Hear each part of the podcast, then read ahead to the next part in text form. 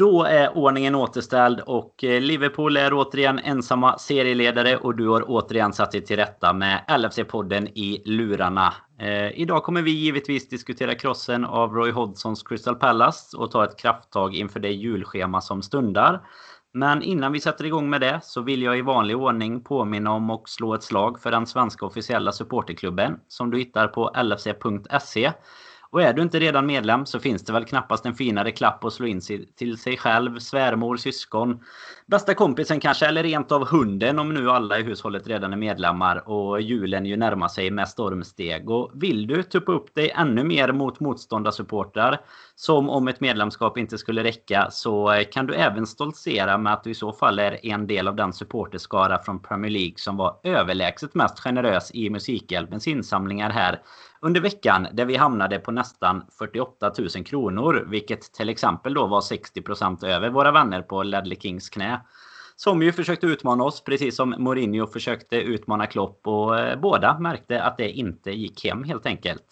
Eh, vi har ju bidragit till Musikhjälpen under 10 raka år och har faktiskt samlat ihop över 600 000. Och skulle man nu förmodan ha missat detta så finns det fortfarande information om hur man bidrar på lfc.se. För bössorna är fortfarande öppna till 31 december. Även om då själva Musikhjälpen-veckan är avslutad. Eh, och skulle du då redan ha inkasserat ditt medlemskap på lfc.se så kan vi även påminna om att nakata.se fortfarande kör 15% med koden LFC. Det gäller hela året ut så behöver man komplettera sin egen julklappsutdelning efter ja, ännu ett par strumpor eller någon resa som man ändå inte kan genomföra nu i rådande världsläge. Så in på nakata.se och shoppa loss någon av Fowler-tröjorna och eh, de andra läckra Liverpool-grejerna främst då som de har det såklart. Om en liten stund ska jag även släppa in Fredrik Eidefors i värmen. Men jag vill även eh, slå ett litet slag för att vi kommer köra en årskrönika med LFC-podden här i dagarna.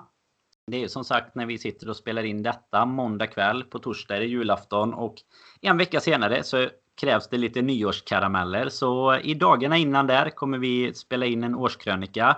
Och på våran Twitter har vi just nu ett eh, inlägg där. Där man jättegärna får bidra med kategorier, eh, mål, matcher, höjdpunkter som man vill att vi ska lyfta extra mycket under 2020. För det har ju varit eh, ett minst sagt speciellt år. Det finns ju en given topp såklart när vi vann ligan. Men det finns även ganska många djupa dalar eh, utanför fotbollen och då kan det vara ganska skönt att lyfta upp oss i Liverpool-sekten helt enkelt med en liten årskrönika.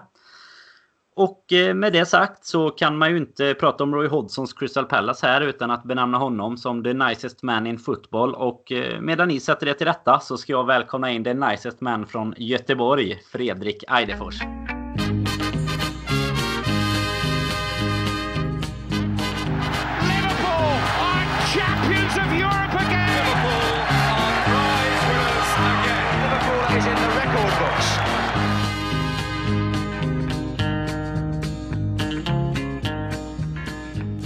Jajamän, Fredrik Eidefors. Eh, det måste väl vara så att läget i Göteborg efter en seger mot Pallas är sjukt bra va?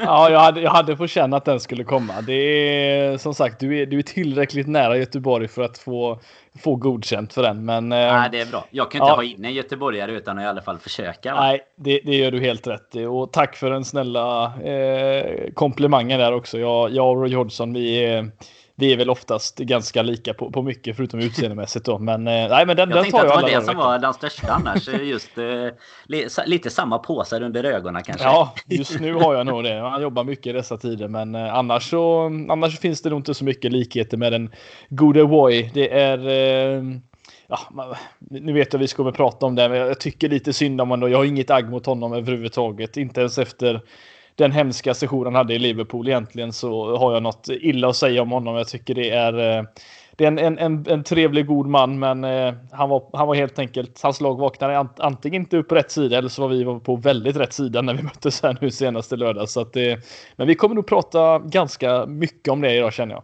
Ja, men jag tänkte väl det. Jag tänkte, alltså när du pratade om det så känner jag nästan att så är det någon man inte vill slå med 7-0 så är det ju nästan Roy. För han känns som han blir så ledsen. Jag vet inte ja. om du såg eh, presskonferensen efter. De frågar ju liksom om, ja, men om ni hade gjort mål. Eh, alltså typ när de hade ju en rätt bra session mm. efter vi hade gjort 1-0. Om ni hade gjort mål då liksom hade matchen kunnat vara annorlunda. Ja, alltså nu, nu ska vi bara sörja ett tag så eh, ställ de frågorna en annan dag. Nu, eh, vi måste bara komma underfund med hur vi fan förlorade med 7-0 här liksom. Så nej, han, var, han var minst sagt besviken. Men eh, det ska vi ju komma in på såklart som du är inne på. Vi tänkte ändå faktiskt att vi skulle börja. Det var en liten snackis här innan matchen. Något som blev ganska alltså rejält lyft både på sociala medier och även ja, men diverse stora Liverpool-konton och sådär gällande startelvan. Och då pratar jag inte om faktumet att eh, bäste man på plan eh, Curtis Jones mot Tottenham var petad och att Mohamed Salah var petad. Utan eh, det visste vi ju redan dagen innan eh, Fredrik. Vi, jag tycker ändå vi kan ta ett litet krafttag kring den diskussionen som ändå uppstod. Jag menar nu har det varit eh, ett antal matcher den här säsongen eh, och jag menar det är väl inte sedan nästan Rodgers eh, glansdagar som startelvan har läckt ut på det här sättet. Och det som du gärna får prata lite kring är väl hur, ja, hur mycket påverkar det liksom? Alltså hur negativt kan det vara för, för Liverpool och vad liksom, ja, vad ska man säga om det egentligen? Ja, alltså det är en, ett, en delikat fråga i sig. Ja, det är klart att Palace, hade de vetat två dagar innan om Liverpool hade startat med ett annat lag så hade det inte spelat. Det kanske hade slutat 7-0 ändå. Det, det vet vi liksom inte. Och det är inte, det är inte därför de förlorar med 7-0 för att de visste startelvan eller, eller vad det nu kan vara. Men det, är, det var ju i så fall jävligt dåligt coachat. Dåligt coachat, precis. om man Nej, det, om det till med. Det är, eh, alltså, jag, jag, tycker att det är ett problem. Det är, eh, vi såg ju till exempel här nu då Sinisa Mihailovic eh, för Bologna exempelvis. Jag vet inte om du läste det som upp, upplevde att han hade en, en läcka inom, eh, inom truppen eller inom egentligen eh, sin, sin, grupp då kanske man ska säga och testade då på en ny formation i sin träning bara för att se om det läckte ut eller inte, vilket det mm. faktiskt gjorde bara dagen senare.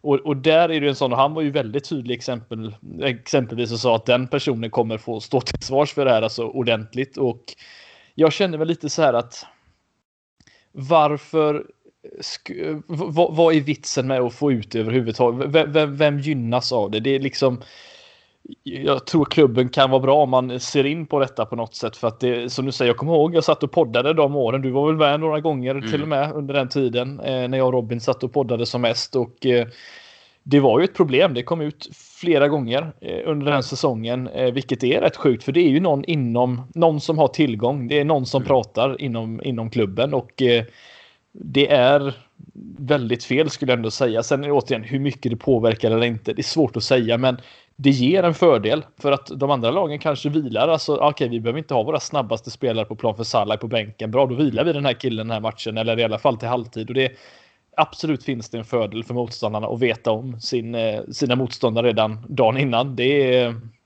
jag, jag, mm. tycker det är riktigt illa. Sen vet jag inte hur du ser på det, om det är något som klubben behöver kolla på eller något sådär. Men börjar det bli fre mer frekvent så, så är det någonting som klubben definitivt enligt mig borde ta en titt på.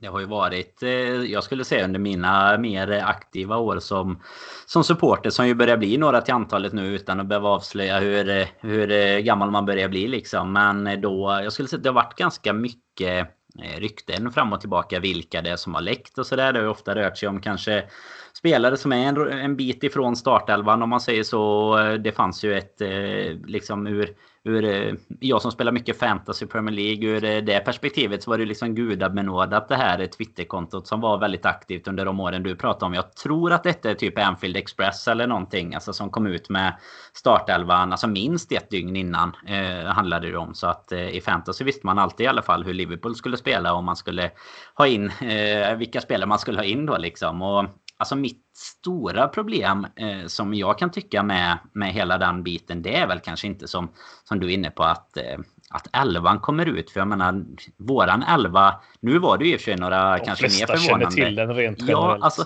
spelar vi vårt vanliga lag som vi gör i nio fall av tio, då vet ju folk ändå hur, eh, ja, vad de ska ställa upp gentemot. Alltså det stora problemet skulle jag väl säga att det blir en förtroendefråga mot mm. spelare eller personal som uppenbarligen inte kan hålla tyst om det att de får betalt för det eller någonting. För det är klart att det kan eh, kan vara värdefulla uppgifter för diverse sporttidningar eller stora konton på Twitter och så. Den, det landskapet har ju också ändrats mycket under de här åren såklart. Vart folk liksom tar sin information och så ifrån. Men det är väl den, det största problemet skulle jag säga. Att det blir liksom en förtroendefråga. Att kan det läcka ut så finns det väl andra saker som teoretiskt sett också skulle kunna läcka ut som, som klubben kanske vill hålla internt då. Jag menar, jag, nu har man ju inte fått åka dit sen de bytte träningsanläggning. Men eh, förr kunde man ju få låna någon liten steg av någon eh, gubbe som bodde bredvid Melwood. Då kunde man ju ta, ta sig över och, och kika lite vad det såg ut som själv. Men eh, nej, det, det är väl det som är mitt stora problem egentligen med, ja. med att det läcker om man säger så. Då. Men, men alltså just det som du säger också med att det, det, det, det är ju någon inom klubben som, alltså du kan ju inte gissa, alltså, nej, det går, att gissa sig till det. så. Nej. Visst, det är inte en helt annan elva, men, men det är ändå så här att alla förväntade sig väl på något sätt att, att Sala i alla fall skulle spela. Eh, kanske. Eh, och, och Jones framförallt då, eh, med tanke på hur bra han var senast som du säger. Eh, men det är just att det, att det, är någon inom klubben som, återigen, vad får man ut av det? De, någonting måste de ju vinna på det. Alltså, jag, jag sitter bara och tänker på liksom när man försöker gå igenom vilka människor det finns. Är det spelare?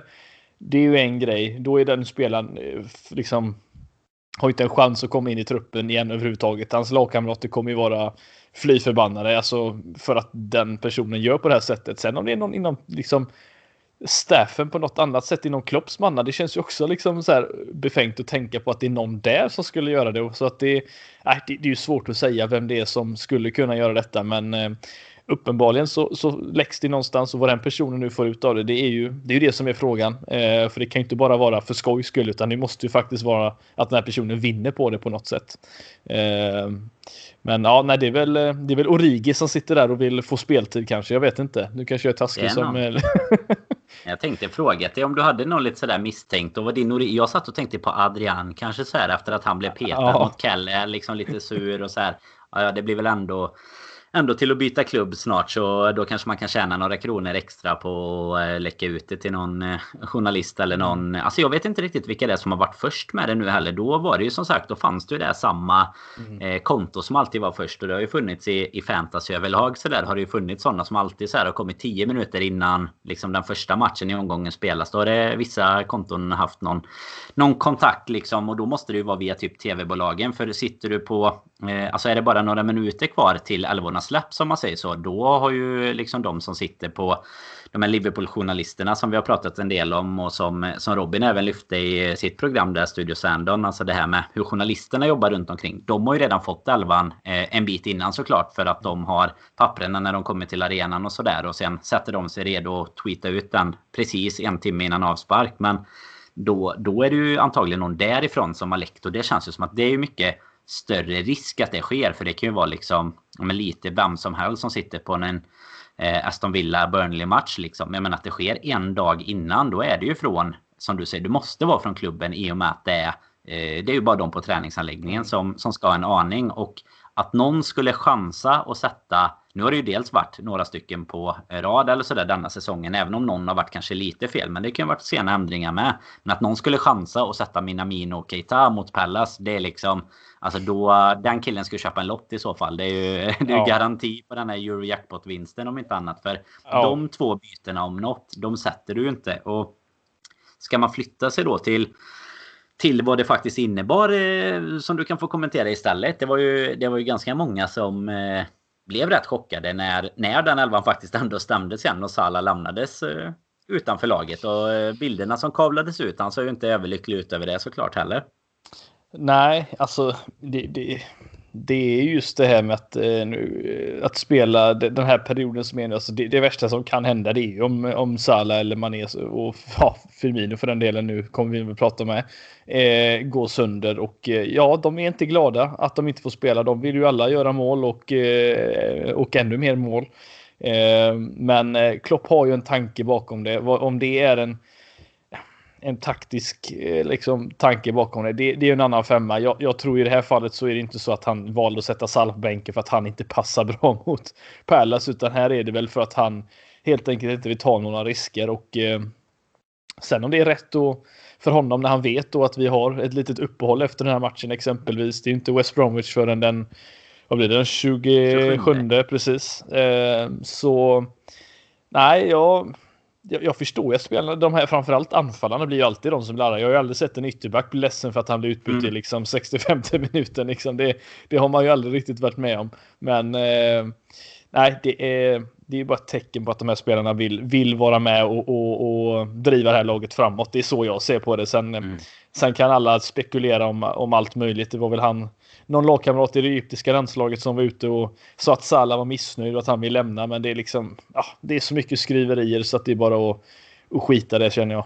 Ja, det är ju ruggigt bra timing om inte annat om ja. inte man har sett det nu. Så det här med, han, han var ju med i en intervju där med AS tror jag det var. Där mm där liksom folk verkligen vill göra, göra en höna av en fjäder. Där, de, där han liksom får i stort sett frågan att eh, ja, men om eh, Barcelona eller Real Madrid skulle vara intresserade, skulle du gå då ungefär? Ja, men det är ju stora klubbar och så, men just nu fokuserar jag på Liverpool och att vinna Premier League. Och då blir det liksom så här. Salah uttalar sig, eh, Madrid och Barcelona är the best clubs in the world typ. Och så dessutom då så startar han inte, inte matchen efter. Nej, men precis. Nej, dessutom. Nej, men jag menar så startar han inte heller matchen Nej. efter. Då blir det ju verkligen så här okej, okay, det här eh, lägger vi ihop ett plus ett här så får vi en riktigt bra rubrik med mycket ja. klick och reklamintäkter. Liksom. Så att det såg man ju gå väldigt hårt och jag känner väl själv, alltså det, Salah ska ju inte vara glad om han inte startar. Jag tycker bara det är, det är ju en eh, liksom, hygienfaktor för lagets framgång att, att, vi inte, att folk inte blir nöjda när de inte startar och när de blir utbytta som man är kommer vi in på sen. Han visar ju väldigt tydligt att han, eh, ja, men han hade liksom flåset uppe. Han visste att det kunde bli fler mål och, och så blev han utbytt och han har ju haft en liten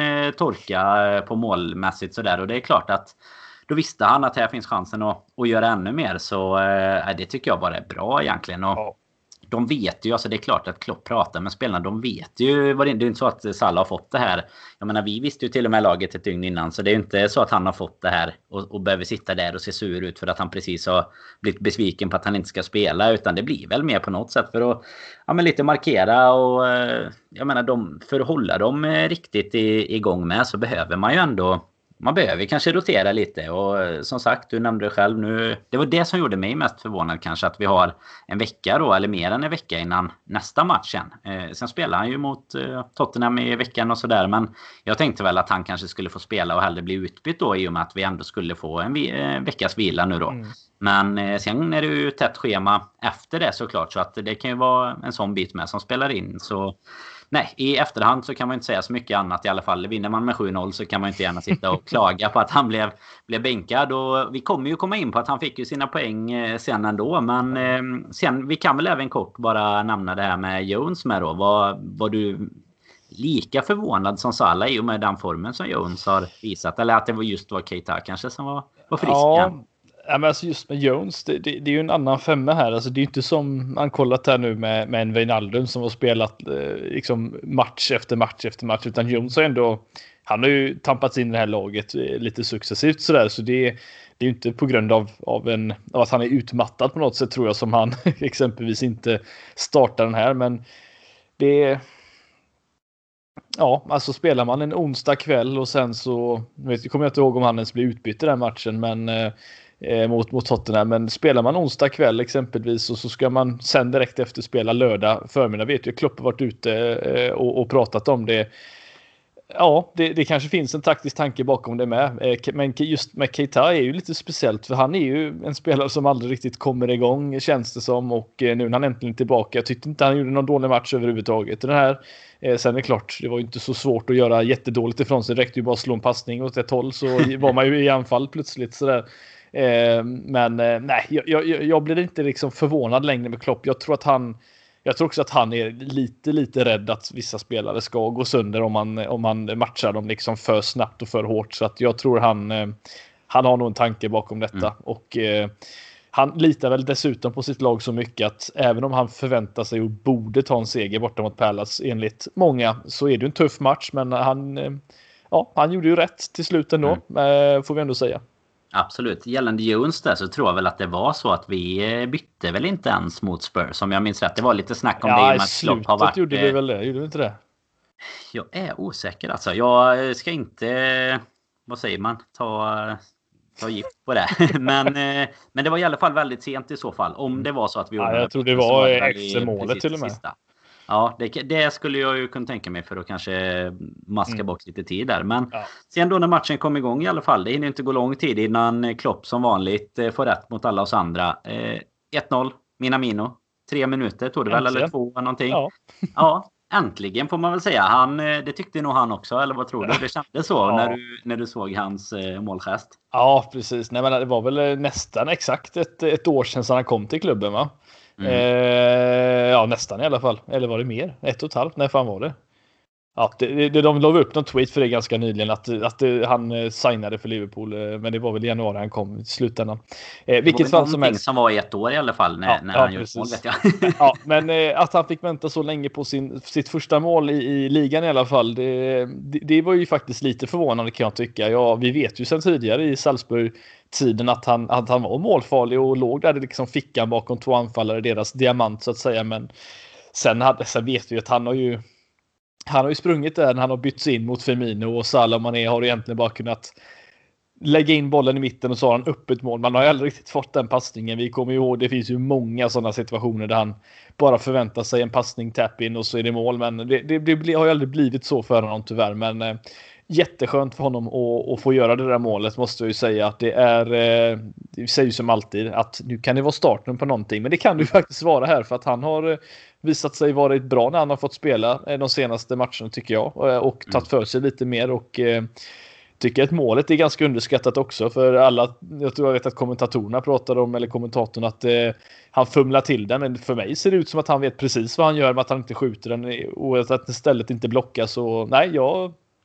är glad för hans skull såklart. Jag hoppas att det kan bli en bra fortsättning för honom. Det kommer behövas nu in i tight matchande som kommer också. Så att, eh, nej, det är, det är kul att se att han fick komma in. Sen att det tog så lång tid, det var väl det var väl enda. Men eh, det har tagit lång tid för många andra spelare som är just nu helt eh, cementerade i det här laget. Mm. Typ en Robertson och Fabinho exempelvis. Så att, det, är, det är väl ett, ett gott tecken på något i alla fall. Ja men absolut. Jag tänkte faktiskt lyfta det lite också för, eller till att börja med kan jag säga så här. Jag är 100% säker som du är inne på att det var meningen. Alltså han chippar ju upp den och skjuter mm. ungefär. Alltså lite så här halvvolley eller ska man inte säga. Men alltså han, han drar ju ändå upp den lite så att han kan få ett, ett bättre skott egentligen. Så det kan de bara glömma att det var fummel. Det var helt 100% medvetet. Sen var ju Absolut. Sen var ju Klopp ute faktiskt efter matchen och pratade om det. För det var lite så han fick frågor om eh, Minamino och liksom eh, ja, har han kommit igång nu och varför han inte spelat så där. För det som du säger anledningen till att man fick vänta så länge på ett mål från honom. Han hade kunnat få göra mål, absolut. Han hade kunnat få mycket fler passningar. Eh, det är min upplevelse också. Men det är ju också så att han har precis som Robertson, precis som Fabinho och alla de här matchas in ganska långsamt. Han har ju inte spelat jättemycket. Han har ju spelat mindre än vad man kanske trodde och inte för att man tänkte att han skulle bli som van Dijk kanske och bara gå rakt in i truppen. Men alltså en Diogo Jota som i och för sig då givetvis med all rätt eh, när han har gjort så mycket mål varit i, i det stimmet han var innan skadan. Eh, men han har ju gått liksom före i rangordningen utan tvekan. Mm. Men sen var ju Klopp ute och pratade om just det att Minamino, han kommer in varje dag på träningen, är liksom 100% proffsig, ger alltid allt, kämpar. Och jag är ju kanske, alltså det får, man ser ju dem inte dagligen och man, man drar ju sina egna slutsatser. Och min slutsats har på något sätt varit att okej, okay, han, han har antagligen inte varit tillräckligt bra. Alltså han, de har väl värvat honom och så har de insett att han kommer inte att funka i det här laget. Och sen fick han ju andra halvlek där mot Fulham. Eh, riktigt usel match såklart av oss överlag. Men jag tycker ändå att han kommer in och gör det helt okej. Okay, även om han gör det i en position som han inte är van vid när han nästan går ner på lite inne mittfält där. Eh, men eh, nu när Klopp pratar på det sättet så inser man ju kanske på något sätt att han får den här lite långsamma chansen att komma in i laget precis på samma sätt som många andra har fått. Och det man inte ska glömma längst fram då. Du var inne på det med Salah, Mané, Firmino. Alltså, det, det är inga dussinlirare du ska in och konkurrera med. Och det visste han ju om såklart från början med.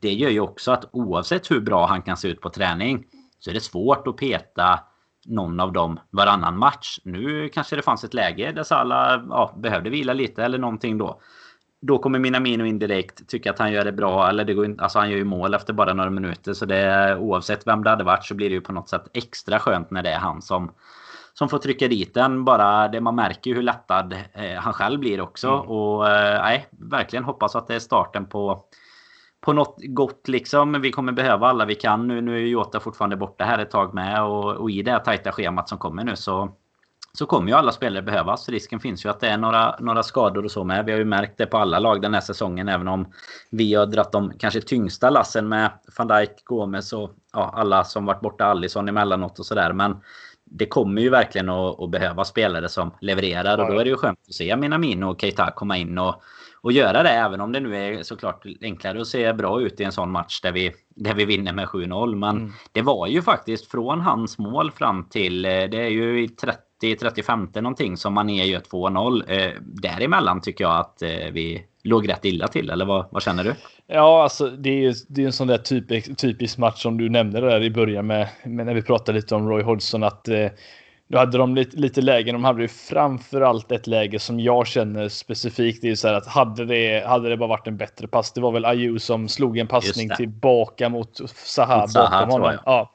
1-1 eh, där så blir det ju inte 7-1. Det, det, är ju, det är ju liksom, det, det, är ganska mm. säkert. Det brukar ju liksom ta död på det momentumet framförallt. Men sen är det bara, sen när 2-3 kommer i slutändan så då är det svårt att, och nu gör ju inte Liverpool detta jätteofta ska vi säga. Det var väl senast var det 2017 tror jag som vi gjorde tre mål i första halvlek mot Bournemouth för, för mig.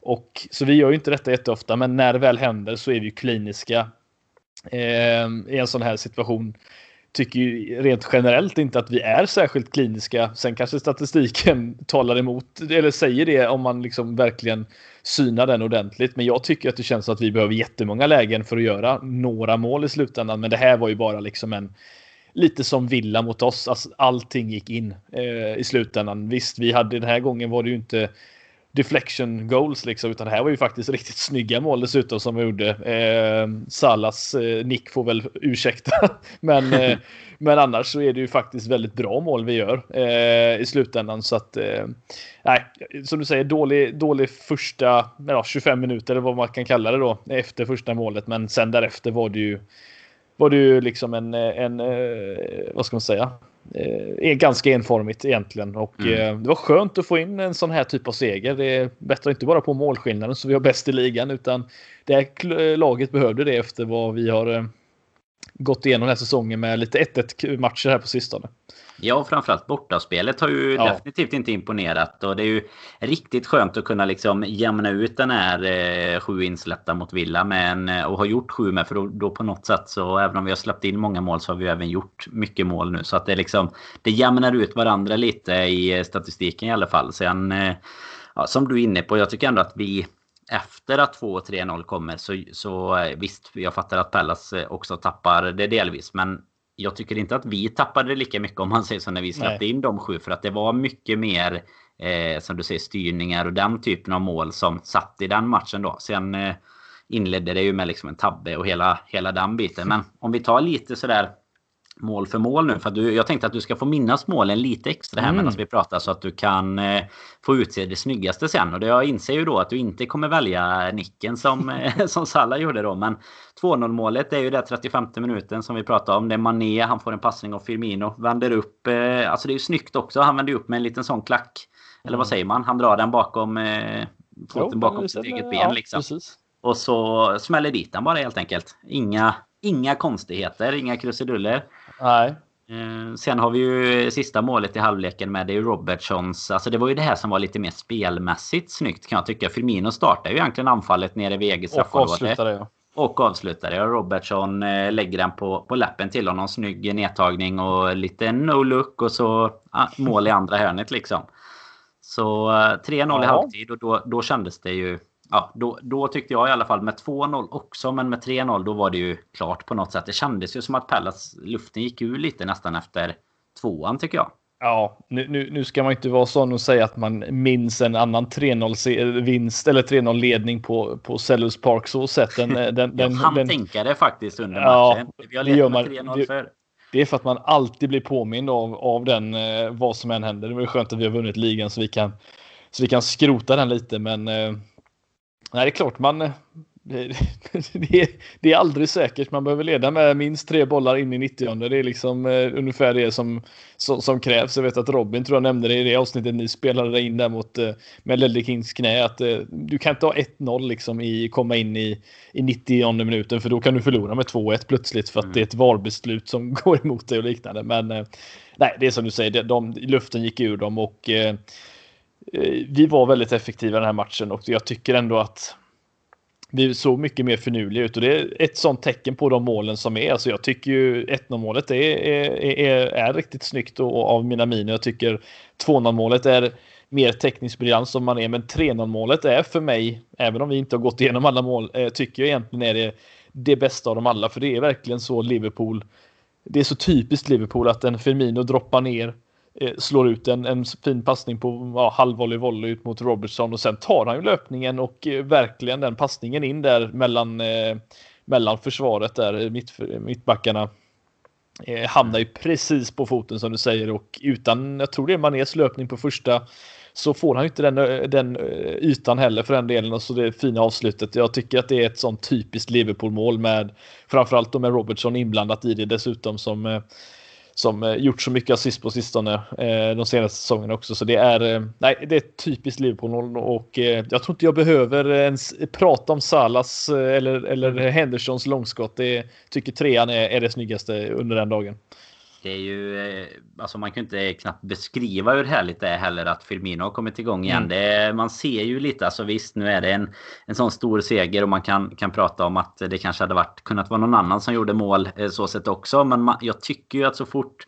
Man pratar ju det här om hur, hur viktigt det kan vara för en spelare som avgörande målet mot Tottenham där. Hur mycket det liksom kan ge dig alltså studs i dojan framåt också egentligen. Och jag tycker att den typen av nedtagning och sånt, det är ju lite hans grej egentligen. Han är ju så extremt bollskicklig och, och säker. Och att han då, eh, alltså efter att han har avgjort matchen på onsdagen, kommer upp på lördagen och, och gör liksom den typen av mål. Och sen även det andra målet som vi kommer in på sen, liksom den här lilla chippen. Alltså de mm. sakerna har ju gått stolpe ut för honom nu i, i nästan ett år liksom känns det som. Framförallt eh, förra ju, säsongen.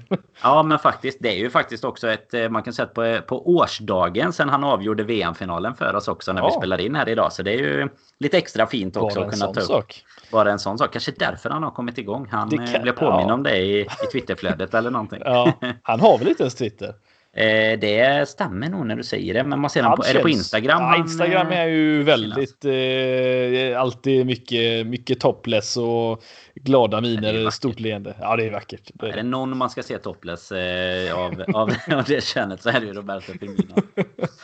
Nej, ja. otroligt fina brassar ja. Men, Nej, men vad, har... vad, sägs om, vad, säger, vad säger vi om... Eh, tycker, du, tycker du att jag är rätt ute eller har du något annat mål som du tyckte var snyggare? Nej, men jag har i alla fall eh, en bubblare. Jag har nog ett annat favoritmål. Vi kan ju, vi kan ju gå igenom dem så sätt. Det är ju Henderson gör ju ett snyggt mål. Eh, det är Trent som hittar honom snett, ja, lite halvsnett mm. inåt bakåt. Han lite placeringsskjuter Gerard, tänkte ja, jag men lite, lite, ja. lite så känns ju också extra bra att det är Henderson som får den liknelsen. Liksom i, ja, han har mycket, det finns mycket likheter där. Påminner mig lite om ett mål som, som Gerard gjorde borta mot Marseille. Jag tror detta var, vad kan det varit, 08-09 eller 07-08 mm. någonstans där. Eh, Torres la den tillbaka. Det var ju visserligen ett snyggare Gerard gjorde för han la ju, han la den ju över målvakten och in i bortre. Det, den bågen skojar man liksom inte bort. Dimitri Payet hade varit nöjd över den bollbanan kan man säga. De som vet, de vet. Eh, de som men, vet, de vet. ja, nej men, eh, nej, men det, det, var lite, jag fick den känslan lite. Nu, ja. Henderson har man ju just fått känslan att eh, mycket av hans skott eh, med insida, de hamnar ju i grävskopan hos målvakten och så är det inte så mycket mer. Men han har en tendens att få till de där avsluten ibland. Eh, vi minns ju målet mot Chelsea borta mm. och, och han har gjort det mot City även hemma i ligan för några år sedan. Och, och nu så detta. Det är, eh, jag tror jag läste lite statistik att jag tror det var nästan 40 procent, om inte mer av hans mål han har gjort för Liverpool har varit utanför boxen och det är för mig mm. känns nästan helt orimligt. För man tänker inte honom som en långskottskille liksom, men eh, uppenbarligen så gör han mycket mål. Eh, eller så gör han inte så många mål, men Nej, många av exakt. dem är Exakt det tänkte jag säga. Hans problem i den statistiken det blir nog att eh, han gör lite för få mål egentligen ja. kanske sett till... Eh, alltså han har ju pendlat med mellan att ha en lite mer tillbakadragen position, men med Fabinho i laget. Eh, nu spelar han ju sig vikarierande mittback då, men, men när han kom in då blev det en lite mer framskjuten position och tänker man tillbaks på de målen som man ändå minns främst, det som du är inne på där Chelsea kanske som kommer upp på näthinnan allra först. Då är det ju ändå en del skottmål liksom som man har bidragit med. Men samtidigt är det väl inte eh, kanske tillräckligt många egentligen eh, sett till att förfina den statistiken om man säger så då. Mm. Eh, sen då innan eh, Firminos andra mål eh, den här eh, läckra chippen som jag tycker är en liten bubblare men inte eh, ända fram. Då har vi den här lilla situationen som vi bara kan ja, doppa fingrarna lite i här. Eh, Mané utbytt eh, strax innan timmen spelad mot Salah. Eh, Salah, äntligen ska han få komma in i det här lilla småblöta sidledsregnet i London. Och Mané däremot, han är inte helt nöjd med det. Vad Läser du ut någonting av en sån situation eller är det bara i, i stundens hetta liksom?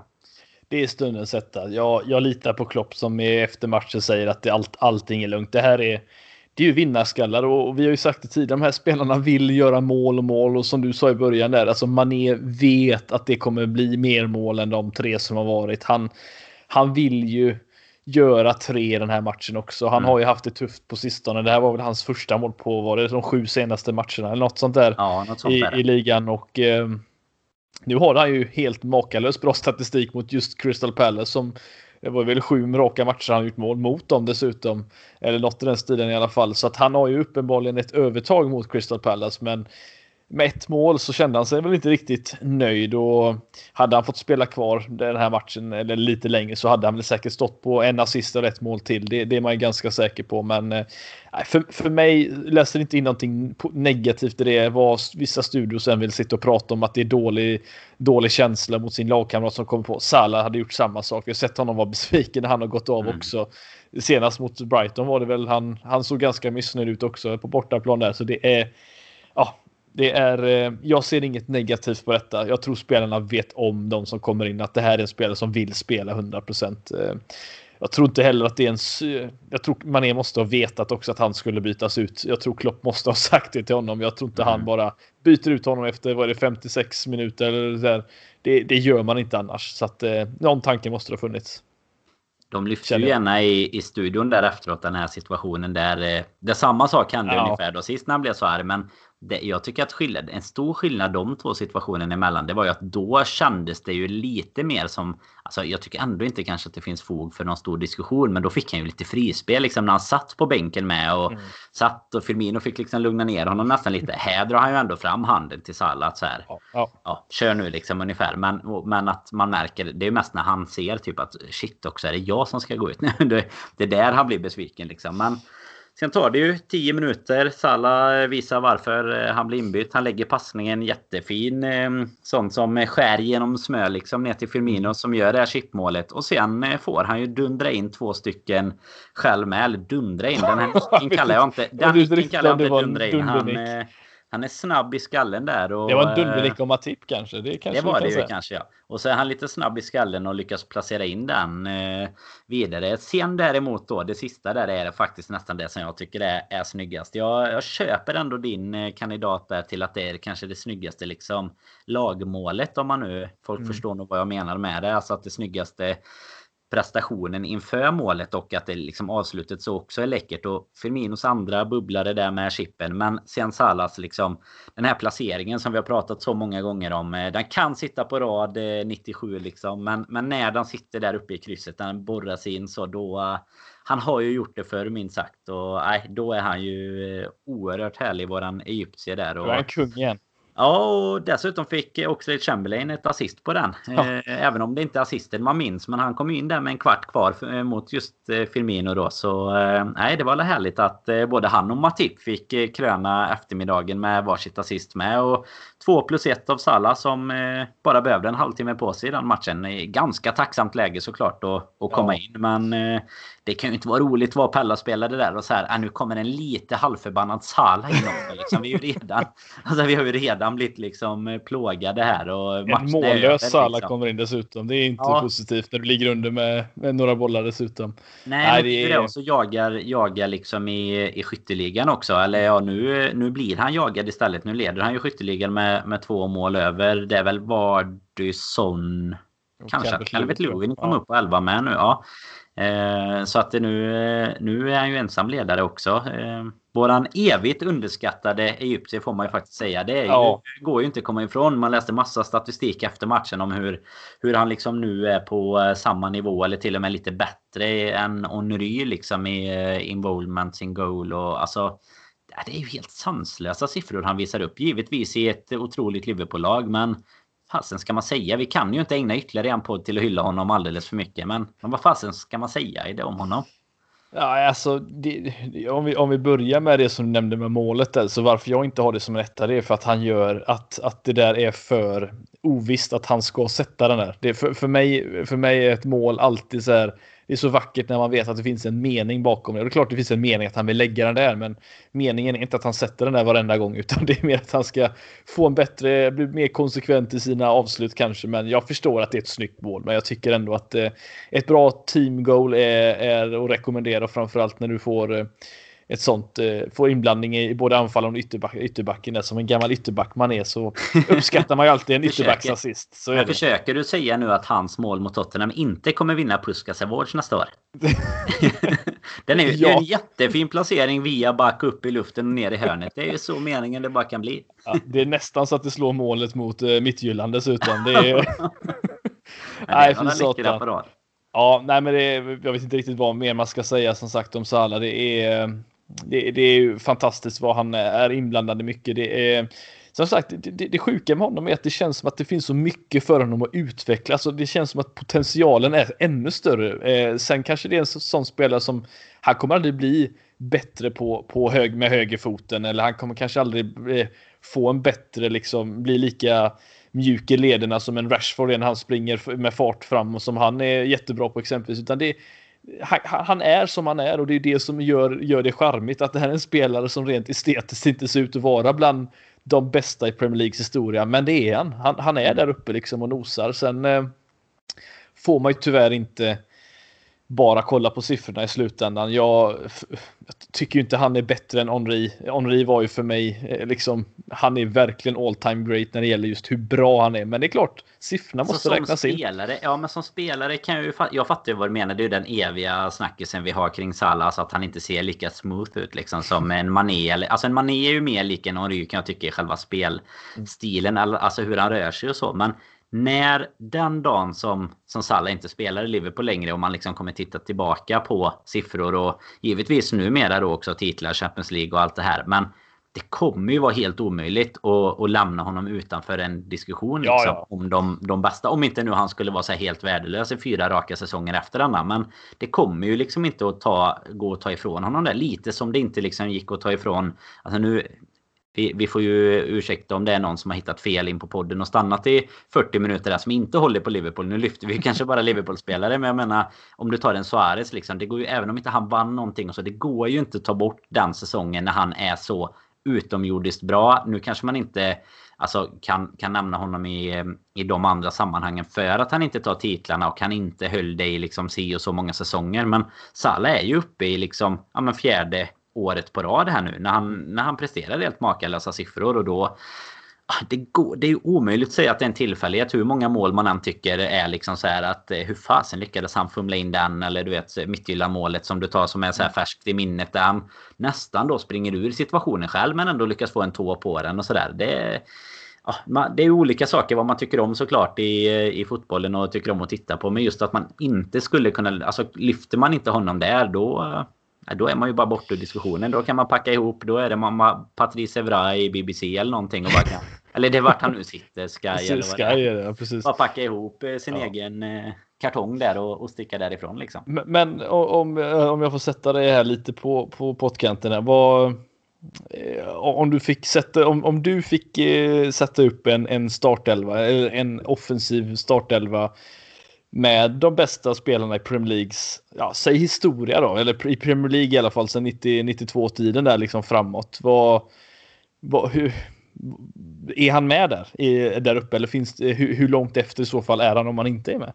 Nej, men alltså jag, det är jättesvårt att säga bara spelarna så rakt upp och ner tror jag. Men alltså hade, du, hade vi tagit ut alla namn där så, så tror jag inte att jag hade tittat på den elvan och sagt att han ska spela i den eh, direkt. Det tror jag kanske inte att jag hade gjort. Men jag tror att jag fem år efter hans karriär är slut kanske hade gjort det. Mm. Eh, för jag, jag, man tenderar ju till att lyfta upp de här spelarna som liksom, där du har facit. Hur gick det? Eh, nu har du ju facit på givetvis de säsongerna han har spelat. Men på något sätt tycker jag det är mycket svårare att ta en aktiv spelare och, och lyfta in i, den, i det sammanhanget. Det är ju som, som du nämner, alltså du har ju många i, i de konkurrerande klubbarna såklart. Alltså du har en Henry och du har en Bergkamp om man tar Arsenal också. Sen har du ju tyvärr massa United-spelare som, som i så fall skulle gå in i någon ekvation där. Jag menar, vi har ju inte jättemånga i, i eh, Liverpool som faktiskt skulle gå in i den. Eh, skulle jag säga. Och det är ju de flesta däremot som skulle göra det. De kommer ju ur, antagligen vara sprungna ur den här generationens Liverpool. Snarare än de föregående vi har haft. Och då är det ju egentligen... Alltså de föregående, då pratar vi om Gerard, en Torres i sin prime liksom. Sen kanske med någon till liksom. Men... Eh, här kommer vi ändå ha, vi kommer ha många liksom som, eh, som vi kommer kunna lyfta upp. Och tar du både offensivt och defensivt så nu diskuterades det givetvis i förra avsnittet så vi ska inte bli för långrandiga kring det. Men jag menar vi har en van Dijk som är med för andra året i rad. Det är liksom världens bästa elva. Vi har Trump som är med. Vi har Klopp som liksom vinner det för andra året i rad. Alltså det är så många utmärkelser. Nu när vi Jag snackar ju introt om att vi ska ha lite årskrönika och sånt med. Och nu märker man ju på Twitter det är ju den ena utmärkelsen efter den andra liksom. Och det är ju Liverpool-spelare överallt. Salah vann nu senast idag någon sån här fans player of the year och Henderson kom tvåa i den här BBC. Eh, det var väl sportpersonlighet liksom. Mm. Så det, det handlar inte ens om fotboll. Alltså det, vi är med i de diskussionerna med det här laget liksom. Och Henderson hade jag, jag det kommer göra ont varje gång jag ska säga att han är, är liksom större eller bättre än Gerard. Men jag menar, får du se på i slutändan på karriären så behöver man inte säga att det har varit en bättre fotbollsspelare kanske eller, eller någonting sånt. När man jämför dem spelmässigt. Men alltså titta på bilderna där han lyfter Champions League, där han lyfter ligan 2020 där han kommer antagligen lyfta ligan 2021 och eh, alltså det, bara fortsätta att rada upp dem. Det, då hamnar man ju i en, eh, i en tuffare diskussion. Men eh, jag vet inte. Vilka har du där då i, i den Premier League? Har du några så här direkta som du känner att de här är i alla fall överlägsna över...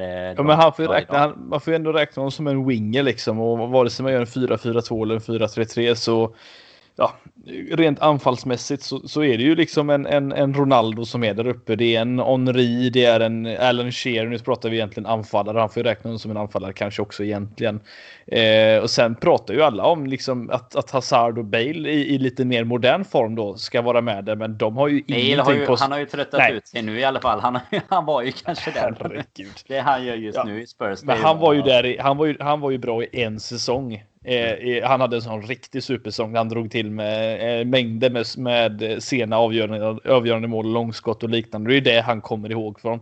Precis som Suarez 13-14. Suarez ska väl kanske blandas in där med på något sätt, men det är svårt att ta in en spelare som ska slå ut då någon som har vunnit x antal Premier League eller gjort ungefär lika mycket mål. Men eh, nej, rent eh, Salah behöver inte vara med i de liksom, listorna för mig för att vara vara bland de största. Det, det, det, tycker jag inte. Han har redan bevisat att han är eh, så bra som han, eh, eh, så bra som han är och bättre än vad många tror att han är mm. dessutom. Så att, Men det som är jag... lite svårt, tycker inte du att det som är lite svårt är också när man ska jämföra så här när du tar namn som Ronaldo, man kan lyfta Bale också delvis på det mm. sättet. Det är ju att väldigt mycket av det man kommer komma ihåg från deras karriärer har ju varit även i andra lag. Alltså Bale är ju den Champions League-finalen mot oss i Real till exempel. Det är ju liksom hans stora eh, på något sätt. Det blir ju liksom kungakronan för hans karriär kanske. Men och tar du Ronaldo så har han gjort så mycket andra klubbar med. Men Salah känns som han har ju varit, alltså ser Roma-fansen honom som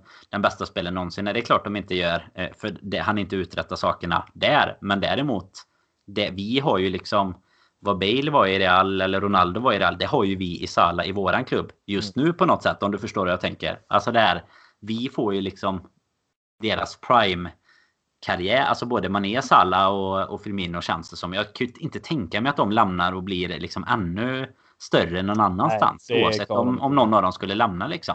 Det, det, är ju på något sätt, det är ju den fronttrion som ja, som man kommer snacka om. Det är ju så oavsett om någon, ja, men det är någon som går ner lite om ett år eller två eller byter klubb eller sådär det kommer in någon annan. Men det är ju den här vi kommer minnas de här åren. För i alla fall oavsett liksom målskörden på Firmino eller på, eh, alltså på Mané och sådär och när man jämför det. Men det, det, blir ju de som en enhet på något sätt som eh, ska in i varandra sån historisk elva i framtiden. Det är bara stryka resten så kör vi från trion och så van Dijk längst bak och så kan vi sätta vem som helst i målet bara så, så vinner vi oavsett. Ja, det tycker jag låter som en bra idé.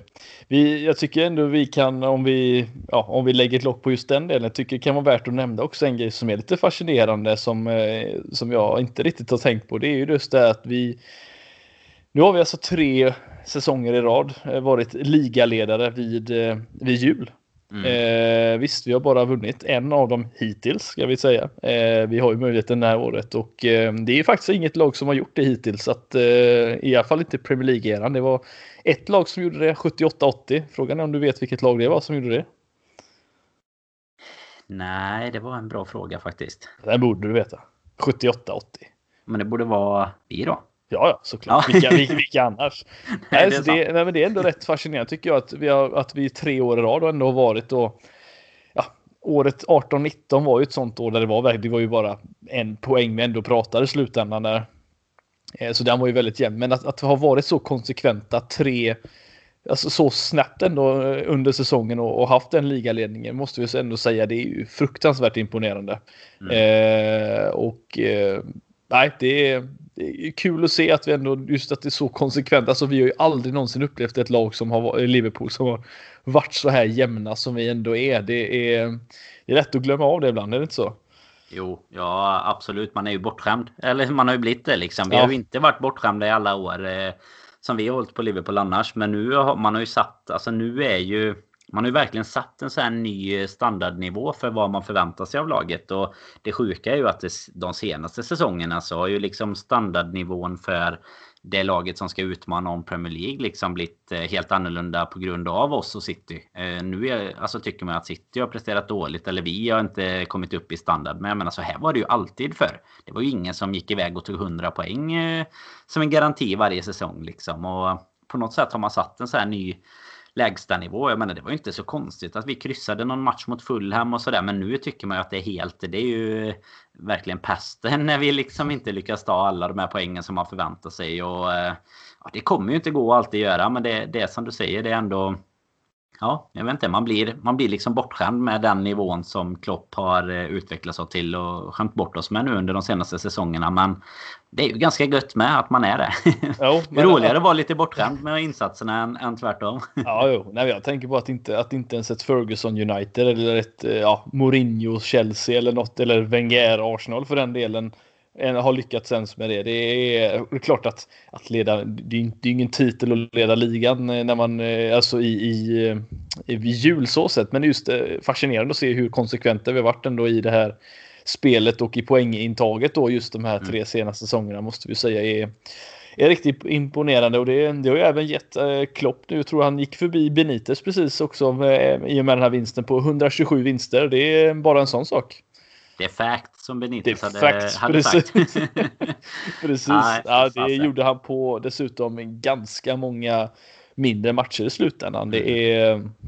Nej, kolla Klopps statistik. Det är ju helt, helt makalöst vad han har vad han har lyckats med i slutändan. Det är... Ja, han har ju också några säsonger, alltså när du kollar på det i efterhand sen ja. så kommer han ju ha de här två, tre första säsongerna som ändå drar ner den statistiken något helt otroligt om man jämför med vad han har presterat liksom. Om du jämför första halvan och sista halvan just nu om man säger så. Så, eh, så drar ju första halvan ner, ner vinststatistik och poängstatistik och sådär jättemycket såklart. Eh, så det är ju helt, det är ju en helt sanslöst vad vad han kommer ha liksom lämnat. Nu hoppas vi att det är lång tid tills han lämnar och eh, nu har han ju kontrakt ett tag till såklart. Men, och vi får se vad som händer. Men han kommer ju verkligen lämna oss med något som vi inte mm. hade kunnat drömma om när, när han kom 2015. Det är ju...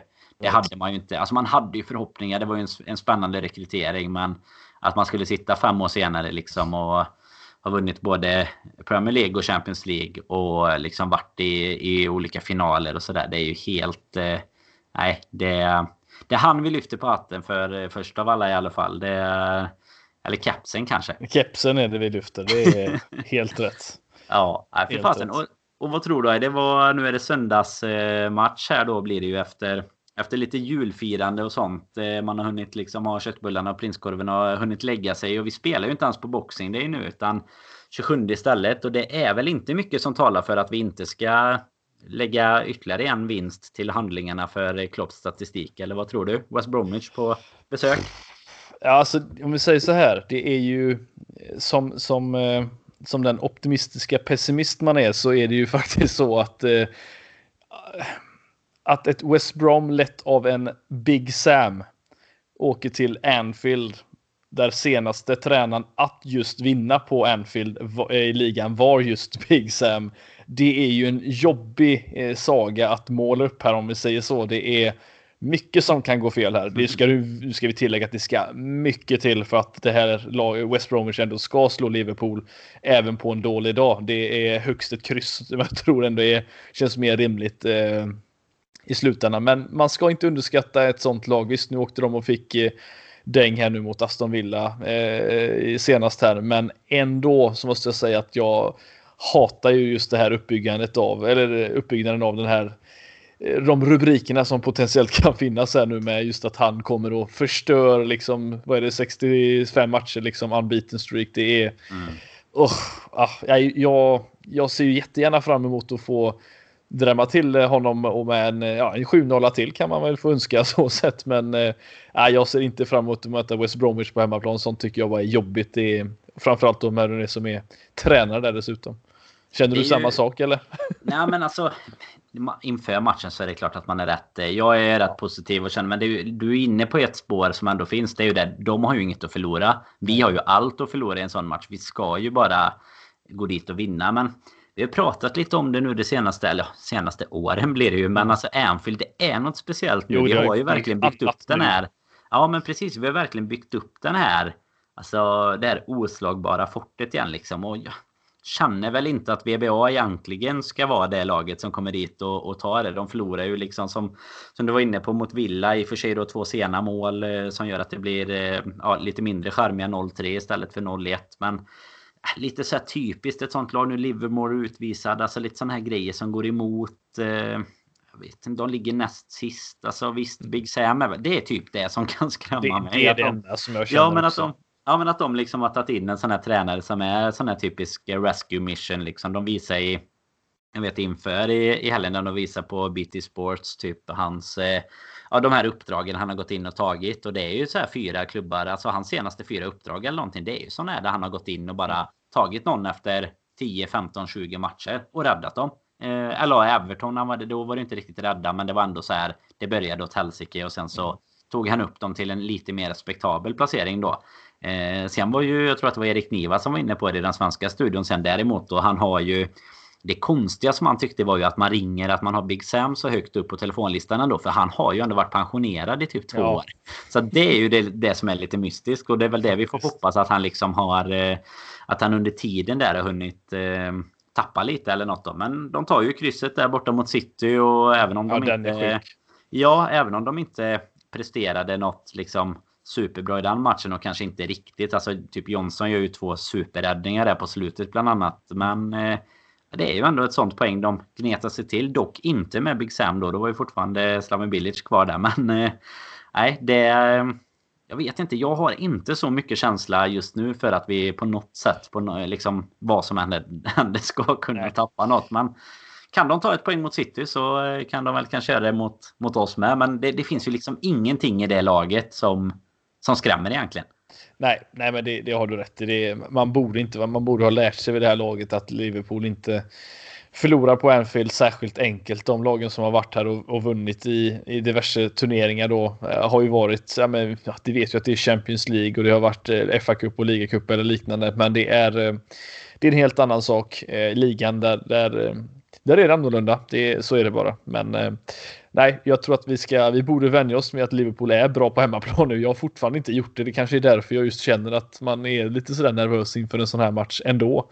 Eh, men det är ju alltid så att ju, ju närmre efter varje match så kommer man alltid närmre förlusten. Det är ju tyvärr så det är. Men, eh, ja, men, ja, men jag hoppas ju inte att den kommer.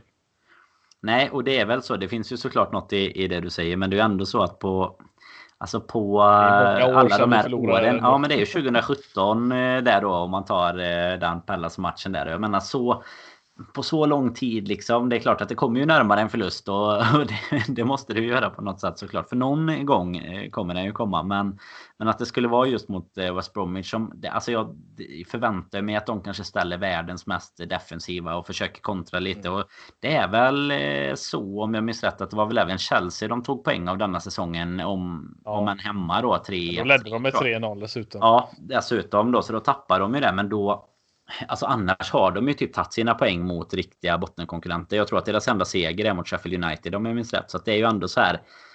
Ja, det, hade de på något sätt mirakulöst kunnat gneta till sig ett kryss så kommer de ju vara jättenöjda och vi eh, väldigt missnöjda med det vi, berätt, alltså det vi pratade om innan. Det här våra nya, alltså lite lägsta nivå eh, för vad man har för förväntningar på det här Liverpool. Och jag menar snarare är ju förväntningarna inför en sån här match det är ju att vi kanske inte behöver vinna med 7-0 igen men eh, alltså en 3-0 eller någonting så tycker man väl att vi ska kunna kunna vaska fram eller vad, vad tror du om vi ska gå på lite resultat? Ja, nej, men jag, jag tror ju att eh, efter en 7-0 så vill man ju såklart komma fortsätta på, på det spåret och även om det kanske inte blir en, en, en sån typ av seger den här gången så tror jag väl ändå på en, eh, en ganska komfortabel seger till slut. Jag, jag, jag gissar eh, 2-0 ändå. Det, det tror jag vi kan få till. Mm. Ja, men då lägger jag på eh, den som jag nämnde då. Jag lägger på 3-0 där helt enkelt. Eh, så, så känns vi ganska positiva tycker jag ändå inför inför VBA här. Det, är ju nu, det känns, känns konstigt här inför jul men det är ju nästan en vecka kvar när vi sitter här måndag kväll nu när vi spelar söndagsmatch då. Så eh, nu eh, blir det ju tight annars. Det blir ju matcher 27, 30 och sen eh, börjar vi ju nya året sen de att möta Southampton med Newcastle där den 30 efter VBA. Så ganska schysst. Ett okej schema får man väl säga i alla fall mm. att vi vi tar. Och vi, eh, nu har jag inte riktigt scoutat hur de andra har sina matcher. Men jag tycker ju när man tittar på kalendern att vi har ju helt okej. Okay. Alltså, våran match den 30 det är ju lite som en vanlig alltså Champions League onsdag. Så där. Vi har ju inget jättetufft schema sett till eh, att det bara är en, en dag vila eller någonting så som det har varit vissa år. Men fyra matcher på tio dagar är väl något av det galnaste som jag minns. ja, eh, som vi har haft där i vissa gånger. Och sen börjar ju kuppen och sånt börjar väl helgen efter Southampton där kan jag tänka mig och då kanske vi ändå Klopp har ju inte gjort någon hemlighet av att FA-cupen och ligacupen inte är kanske det mest prioriterade för hans del men eh, om vi bara ska ta en kort till om VBA där om du tänker startelva och sådär vad tror du Salla tillbaka starkaste lag eller vad vad är känslan? Jag tror vi får se ett Tottenham-lag. Mm. Tror jag. Eh, kanske då med att, eh, att Matip kommer in istället för att eh, Reece Williams spelar då. Men eh, annars så tror jag på exakt samma typ av lag. Att det, det, det är det starkaste vi kan komma eh, få till och det tror jag Klopp kommer vilja ställa ut mot West Bromwich också i slutändan. Så att eh, jag tror inte på. Ja, jag tror vi går tillbaka lite från det som var just mot, mot Tottenham. Det är min spontana känsla och eh, kan man dessutom då ha vetskapen att eh, Leicester och United har tappat poäng mot varandra i form av ett, ett tråkigt 0-0 kryss dessutom eh, dagen innan så gör det ju ännu bättre om man kan få med sig den här vinsten så att det är lite, lite det jag hoppas den här gången. Det är väl eh, det du nämner där är ju kanske något av det finaste vi ser just nu. Det är ju att det är ganska få andra lag som, som är jättesugna på att hänga med nu. Helt plötsligt var ju Everton uppe och nosade på en andra plats mm. innan Leicester och United hade hunnit spela där. Jag menar att Manchester United med det spelet de har presterat den här säsongen. Visst, nu vann de ganska komfortabelt mot Leeds där när Scott McTominay hade någon... Eh, de måste gått på någon sorts steroider och gjorde två mål på 3-4 minuter. Men att de liksom uppe och ligger trea med dessutom en hängmatch. Det känns ju helt otroligt. För det laget ska vi ju slå alla dagar i veckan liksom. Så äh, jag vet inte. Det nu leder ju Chelsea här medan vi håller på att spela in. Så de går väl upp på någonstans fjärde, femte plats där om de vinner. Men vi har ju verkligen, trots att vi många gånger har sagt att man tycker att vi har haft marginalerna mot oss. Och med all rätta kanske. Men, men det är ju verkligen så att vi hade vi bara eh, vunnit den typen av matcher så hade ju ligan hade ju inte ens varit rolig längre. Det hade varit som förra året. Vi hade ju verkligen sprungit ifrån. Och ja. all chans att göra det finns ju fortfarande. Eh, hade man tagit eh, Alltså går man på eh, sju eller nio poäng här under de här lite tätare matcherna så det tror jag tror inte nästan att det är någon som kommer och går rent heller. För det är verkligen så den här säsongen att lite mer tillbaka till det här gamla att alla kan slå alla på något sätt. Och Tottenham var ju innan våran match uppe och var liksom titelutmanare och nu ligger de utanför Champions League-platserna liksom efter två eh, ganska snabba förluster då. Så nej, mycket mycket kan hända i ligan fortfarande, men vi, vi har ju någon sorts eh, pull position där känns det som. Eh, det, det, får man väl ändå säga. Det tycker jag absolut. Det, det är vi som är laget man ska slå den här säsongen igen. Ja, igen ja. Precis. Och vi, eh, LFC-podden är ju också de man ska slå om man har någon annan podd antagligen då. För eh, är det matcher så eh, återfinns vi i lurarna. Det blir ju så som sagt. Vi kommer ju spela in ett, eh, en liten årskrönika här vad tiden lider. Det blir väl så att vi släpper den framåt nyårsafton såklart. Eh, sen blir det ju lite avsnitt här kring matcherna också. Exakt vilka dagar och tider de kommer får vi nästan eh, be att få återkomma till er via våra sociala medier. För eh, det är lite så att det blir ju eh, tätt här i jultiderna och det blir ju i alla fall så här långt kan vi utlova då ett avsnitt i alla fall efter West Bromwich-matchen då. Och sen blir väl årskrönikan det som kommer på det då. Så, ehm, så börjar vi helt enkelt där och så får ni bara hänga med oss in i julruschen här. Men Tack för idag Eide. Och eh, vi får väl passa på helt enkelt i och med att det är sista avsnittet här innan jul. Och eh, som ligaledare eh, passa på att hälsa alla en riktigt god röd jul. Så hörs vi snart igen.